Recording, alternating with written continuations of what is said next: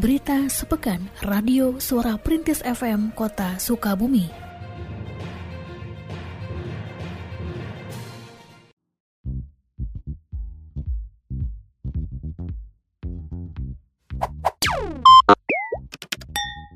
Memperingati hari jadi APSI ke-19 yang jatuh pada tanggal 14 Oktober 2021, Wali Kota Sukabumi Ahmad Fahmi menyampaikan pesannya untuk APSI secara khusus kepada APSI Kota Sukabumi. Wali Kota mengharapkan peringatan hari jadi ke-19 ini dapat semakin mengokohkan peran APSI sebagai bagian dalam proses percepatan untuk meraih indeks pembangunan manusia dengan tujuan menciptakan sumber daya manusia yang cerdas. Assalamualaikum warahmatullahi wabarakatuh. Sampurasun. Saya Ahmad Fahmi, Wali Kota Sukabumi mengucapkan selamat dan dirgahayu Asosiasi Pengawas Sekolah Indonesia yang ke-19. Tentunya di pertemuan manusia ini saya berharap APSI mampu mengokohkan semangatnya, mengokohkan kedudukannya sebagai bagian dalam proses percepatan indeks pembangunan manusia, khususnya di bidang pendidikan. Sedangkan PLT Kepala Dinas Pendidikan dan Kebudayaan Kota Sukabumi, Cecep Mansur, dalam pesannya menyampaikan bahwa Dinas Pendidikan dan Kebudayaan Kota Sukabumi sangat mendukung keberadaan APSI karena dengan kehadiran pengawas, komunikasi dan koordinasi dengan sekolah dapat dilakukan dengan baik. Ia juga menegaskan peran APSI yang telah membina, membimbing, dan memberikan dukungan bagi pendidikan di kota Sukabumi. Assalamualaikum warahmatullahi wabarakatuh. Saya Cecep Mansur, PLT, Kepala Dinas Pendidikan dan Kebudayaan Kota Sukabumi. Saya mengucapkan selamat ulang tahun yang ke-19 buat APSI, Asosiasi Pengawas Sekolah Indonesia Kota Sukabumi. Uh, saya sangat mensupport ya dengan keberadaan APSI ini karena peran APSI untuk pemerintah Kota Sukabumi khususnya Dinas Pendidikan dan Kebudayaan Kota Sukabumi eh, sangat eh, mensupport semua program-program di Dinas Pendidikan dan eh, Kebudayaan Kota Sukabumi. Sementara itu, Ketua APSI Kota Sukabumi, Maisaroh, menyampaikan rasa terima kasihnya atas dukungan pemerintah Kota Sukabumi terhadap keberadaan APSI. Dijelaskannya, APSI merupakan wadah bagi para pengawas sekolah untuk meningkatkan profesionalisme dengan visi membangun pengawas sekolah, madrasah yang profesional, berintegritas, berkarakter, bermartabat, dan sejahtera. Pada peringatan hari jadinya, APSI Kota Sukabumi juga mengharapkan adanya optimalisasi peran dan fungsi pengawas sekolah di Kota Sukabumi. Dinas Perpustakaan dan Kearsipan Daerah Kota Sukabumi mengadakan kelas manajemen perpustakaan yang dimulai pada Selasa 19 Oktober 2021 hingga 10 Desember 2021. Kegiatan ini dibuka secara resmi oleh Kepala Dinas Perpustakaan dan Kearsipan Daerah Dispusipda Kota Sukabumi, GM Sukarman. Dalam sambutannya ketika membuka kegiatan tersebut, Kepala Dispusipda Kota Sukabumi menjelaskan bahwa rekayasa sosial untuk meningkatkan kesejahteraan masyarakat dapat ditempuh melalui proses pendidikan Keberadaan perpustakaan di sekolah adalah untuk menunjang proses pendidikan para siswa sehingga pengelolaan perpustakaan yang baik dan benar serta mampu menumbuhkan sifat gemar membaca sangat dibutuhkan. Sedangkan Kabit Perpustakaan Dispusibda Kota Sukabumi, Dudi Wahyudin, mengungkapkan bahwa kelas manajemen perpustakaan diselenggarakan untuk meningkatkan kompetensi para pengelola perpustakaan sekolah dari jenjang pendidikan SD hingga SMP termasuk madrasah. Eh, diadakan dalam rangka untuk meningkatkan kompetensi para pengelola eh, perpustakaan di sekolah, baik jenjang SD maupun SMP dan uh, madrasah gitu. Uh, kita tahu memang uh, bahwa perpustakaan itu adalah jantungnya pendidikan. Tapi saat ini kita juga tahu bahwa uh, peran perpustakaan itu belum optimal ya. Belum optimal, belum benar-benar memang mendukung uh, proses pembelajaran itu terlaksana dengan uh, baik gitu ya. Sehingga Eh, kita perlu melaksanakan peningkatan kompetensi dari para pengelolanya. Jadi kita perlu memberikan bekal bagi mereka bagaimana sih seharusnya perpustakaan itu dikelola ya. Nah, kita juga uh, memberikan kepada mereka bahwa saat ini sebenarnya sudah ada standar standar nasional pengelolaan perpustakaan uh, dari berbagai jenjang. Meski saat ini kota Sukabumi berstatus PPKM level 2, namun wali kota Sukabumi, Ahmad Fahmi, meminta semua pihak tidak mengendurkan kewaspadaan terhadap potensi penyebaran COVID-19. Terlebih muncul prediksi terjadinya gelombang ketiga penyebaran virus tersebut pada bulan November hingga Januari 2022. Hal tersebut diungkapkan oleh wali kota saat membuka bimbingan teknis bagi ketua RT dan RW Kelurahan Gedong Panjang pada hari Kamis 21 Oktober 2021. Wali kota menambahkan saat ini pemerintah kota Sukabumi sedang menggencarkan vaksinasi COVID-19 dengan sasaran masyarakat pada RW tertentu. Oleh karena itu, para ketua RT dan RW termasuk semua unsur di kelurahan harus ikut menyukseskan vaksinasi tersebut. Wali kota juga menegaskan bahwa peran ketua RT dan RW sangat penting karena merupakan mitra terdepan pemerintah, sehingga dalam kesuksesan pembangunan terdapat andil ketua RT dan RW. Sedangkan Lurah Gedong Panjang Bunyamin mengatakan bahwa BIMTEK Ketua RT dan RW merupakan salah satu kegiatan dalam program dana kelurahan. Diharapkan setelah mengikuti BIMTEK tersebut, para ketua RT dan RW bisa memahami proses administrasi dan menerapkannya sesuai dengan ketentuan. Alhamdulillah pada intinya ini bintek untuk ketua bintek uh, administrasi RT RW uh, untuk ketua RT dan RW yang ada di Kelurahan Gedong Panjang. Di mana kegiatan ini dibiayai dari dana kelurahan.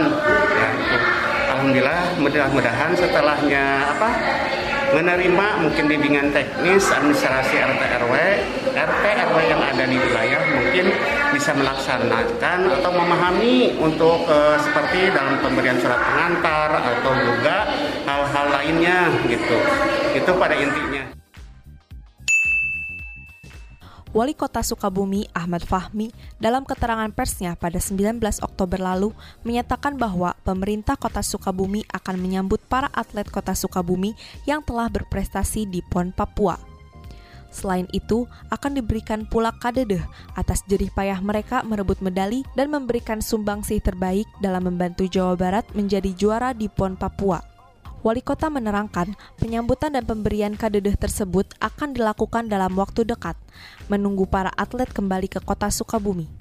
Pak untuk arti, atlet, atlet PON akan ada penyambutan khusus? Ada, akan ada penyambutan khusus akan kita terima di balai kota. Kapan rencana mereka? Uh, nunggu mereka kumpul semua, karena belum semua sampai ke Sukabumi. Pak untuk atlet yang menyumbangkan medali, apakah akan ada apresiasi khusus? Mungkin ada, nanti kita memberikan bentuk tanda cinta atau kadedeh dari pemerintah daerah. Dan setapak sepanjang 181 meter yang menghubungkan Kelurahan Baros dan Sindang Palai telah rampung dibangun melalui program Bakti Siliwangi Manunggal, Satata Sariksa BSMSS. Wali Kota dalam sambutannya ketika menutup BSMSS mengatakan dengan adanya jalan tersebut diharapkan dapat berdampak positif kepada perekonomian warga karena mobilitas barang dan orang bisa berjalan lancar. Sementara Dandim 0607 Kota Sukabumi Letkol Infantri Danang Prastio Wibowo menjelaskan program BSMSS diselenggarakan dalam rangka percepatan pembangunan di wilayah Kota Sukabumi. Kegiatan hari ini Ya hari ini sudah dilaksanakan penutupan program yang biasa kita laksanakan BSMSS Bati Siliwangi Sanata program kita dengan pemerintah daerah bekerja sama untuk mempercepat pembangunan. Intinya adalah Kodim 0607 Kota Sukabumi full membantu 100% dalam rangka percepatan pembangunan Pemda Kota Sukabumi. Wali Kota Sukabumi Ahmad Fahmi menutup diklat anti perundungan yang diselenggarakan di SMP Pelita YNH selama 10 hari. Dalam sambutannya, Wali Kota mengharapkan para siswa yang telah mengikuti diklat akan menjadi duta anti perundungan yang tidak hanya mencegah perundungan di lingkungan sekolah tetapi juga menyebarkan informasi anti perundungan di lingkungan masyarakat. Sedangkan Kepala Sekolah Pelita YNH, Irana Dia Oktavira menjelaskan bahwa dalam diklat ini dihadirkan narasumber kompeten seperti dari unsur pemerintah Kota Sukabumi serta juga dari TNI. Jadi adalah kegiatan penutupan diklat anti perundungan. Sebetulnya kita sudah melaksanakan diklat ini 10 hari. Ini adalah hari terakhir dan ditutup dengan sesi dialog singkat dengan para narasumber lintas bidang. Harapannya uh, ketika kita menghadirkan orang-orang yang memang berpengaruh di kota bahkan wilayah ini karena kita kedatangan wali kota dari Disdik, dari Dinkes dan juga uh, dari Wadan Denintel itu uh, ruang lingkupnya provinsi. Kita berharap ini bisa menjadi sebuah sinergi kita uh, dengan fokus untuk bisa menghindari yang namanya perundungan. Ini baru tahun ini karena gini, semenjak Covid ini kita tahu bahwa kita tuh harus di rumah, PPKM dan segala macam. Nah, yang menjadi marak itu adalah cyberbullying. Itu tidak bisa kita tutup mata nggak bisa, itu terjadi dan apa yang bisa kita lakukan, terutama di bidang pendidikan, karena sekolah itu adalah gerbang utama untuk kita bisa memberikan ilmu pengetahuan, tidak hanya keilmuan tapi juga ilmu kehidupan dari mulai adab, etika gitu. Dan sepertinya ini yang harus kita lakukan. Hari Santri Nasional yang jatuh pada tanggal 22 Oktober diperingati oleh pemerintah kota Sukabumi Porkopimda, MUI, beserta alim ulama dalam peringatan Hari Nasional tingkat Kota Sukabumi yang digelar secara offline dan online pada hari Jumat 22 Oktober 2021 di Balai Kota. Peringatan ini diikuti pula secara virtual oleh berbagai unsur, di antaranya perangkat daerah pada pemerintah Kota Sukabumi. Wali Kota Sukabumi Ahmad Fahmi yang menyampaikan sambutan Menteri Agama RI pada kesempatan tersebut mengatakan bahwa peringatan tahun ini mengangkat tema Santri Siaga Jiwa Raga. Tema tersebut mengandung makna sebagai bentuk pernyataan sikap santri Indonesia agar selalu siap siaga menyerahkan jiwa dan raga untuk membela tanah air, mempertahankan persatuan Indonesia, dan mewujudkan perdamaian dunia. Siaga jiwa berarti santri tidak lengah menjaga kesucian hati dan akhlak, berpegang teguh pada akidah, nilai, dan ajaran Islam rahmatan lil alamin, serta tradisi luhur bangsa Indonesia. Tema ini juga sejalan dengan kondisi pandemi COVID-19 ketika para santri tidak boleh lengah dan tetap mewaspadai potensi penyebaran COVID-19 dengan menerapkan protokol kesehatan. Karang Taruna Sekelurahan Lembur Situ dilatih mengenai pembudidayaan ikan air tawar melalui bimbingan teknis BIMTEK yang diselenggarakan oleh Kelurahan Lembur Situ pada hari Kamis 21 Oktober 2021. Dalam BIMTEK tersebut dihadirkan narasumber dari Dinas Ketahanan Pangan Pertanian dan Perikanan DKP 3 Kota Sukabumi yang memberikan materi mengenai budidaya ikan air tawar serta dari Karang Taruna Kota Sukabumi yang menerangkan mengenai wira usaha. Sekretaris Kecamatan Lembur Situ, Sandra Teguh Utama, yang membuka jalannya BIMTEK mengharapkan BIMTEK ini bisa meningkatkan perekonomian anggota Karang Taruna dan masyarakat Kelurahan Lembur Situ.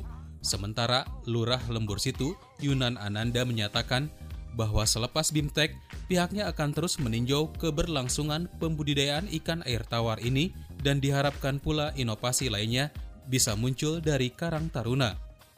Dalam BIMTEK tersebut diserahkan pula bibit ikan nila dari Kelurahan Lembur Situ kepada Karang Taruna untuk disemai di lokasi pembudidayaan ikan di RW 06 Loa Copong, Kelurahan Lembur Situ. Uh, harapannya mudah-mudahan dengan adanya kegiatan pembudidayaan ikan tawar ini bisa lebih meningkatkan terutama untuk ekonomi ekonomi uh, khususnya untuk Karang Taruna umumnya untuk Kelurahan Lembur Situ. Jadi dengan adanya pemberian materi ini mudah-mudahan bisa lebih mereka lebih mengetahui ilmunya dan bisa dimanfaatkan hasilnya oleh bukan hanya Karang Taruna ya, hasilnya oleh masyarakat Kelurahan Pelaksanaan program pemberdayaan rukun warga P2RW di Kelurahan Nyomplong telah selesai dilaksanakan di 2 RW. Sedangkan di 7 RW lainnya, P2RW masih dalam proses pelaksanaan dengan tingkat capaian bervariasi. Hal tersebut diungkapkan oleh Lurah Nyomplong, Asep Nurrahman, saat melakukan peninjauan pelaksanaan P2RW pada hari Jumat 22 Oktober 2021. Adapun beberapa pembangunan sarana prasarana bagi masyarakat dengan memanfaatkan P2RW terdiri dari perbaikan jalan seperti pengaspalan, pembuatan MCK, dan pembuatan SAB sarana air bersih. Menurut Lurah Nyomplong, jika dirata-ratakan, capaian pelaksanaan P2RW di semua RW mencapai 50% dari target. Dijelaskan pula bahwa dalam pelaksanaan P2RW, masyarakat memberikan sumbangsih mereka bukan hanya tenaga tetapi juga dana. Ia mencontohkan pembangunan SAB dengan dana P2RW sebesar 20 juta rupiah hanya cukup untuk beberapa sambungan ke rumah warga. Tetapi dalam kenyataannya, melalui swadaya masyarakat, rumah yang mendapatkan akses air bersih cukup banyak. Lurah Nyomplong beserta masyarakat mengharapkan P2RW dapat terjaga kesinambungannya karena melalui program ini sarana prasarana yang dibutuhkan oleh masyarakat dapat terbangun. Kalau diketahui di Kelurahan Nyongkong itu terdiri dari 9 KRW-an.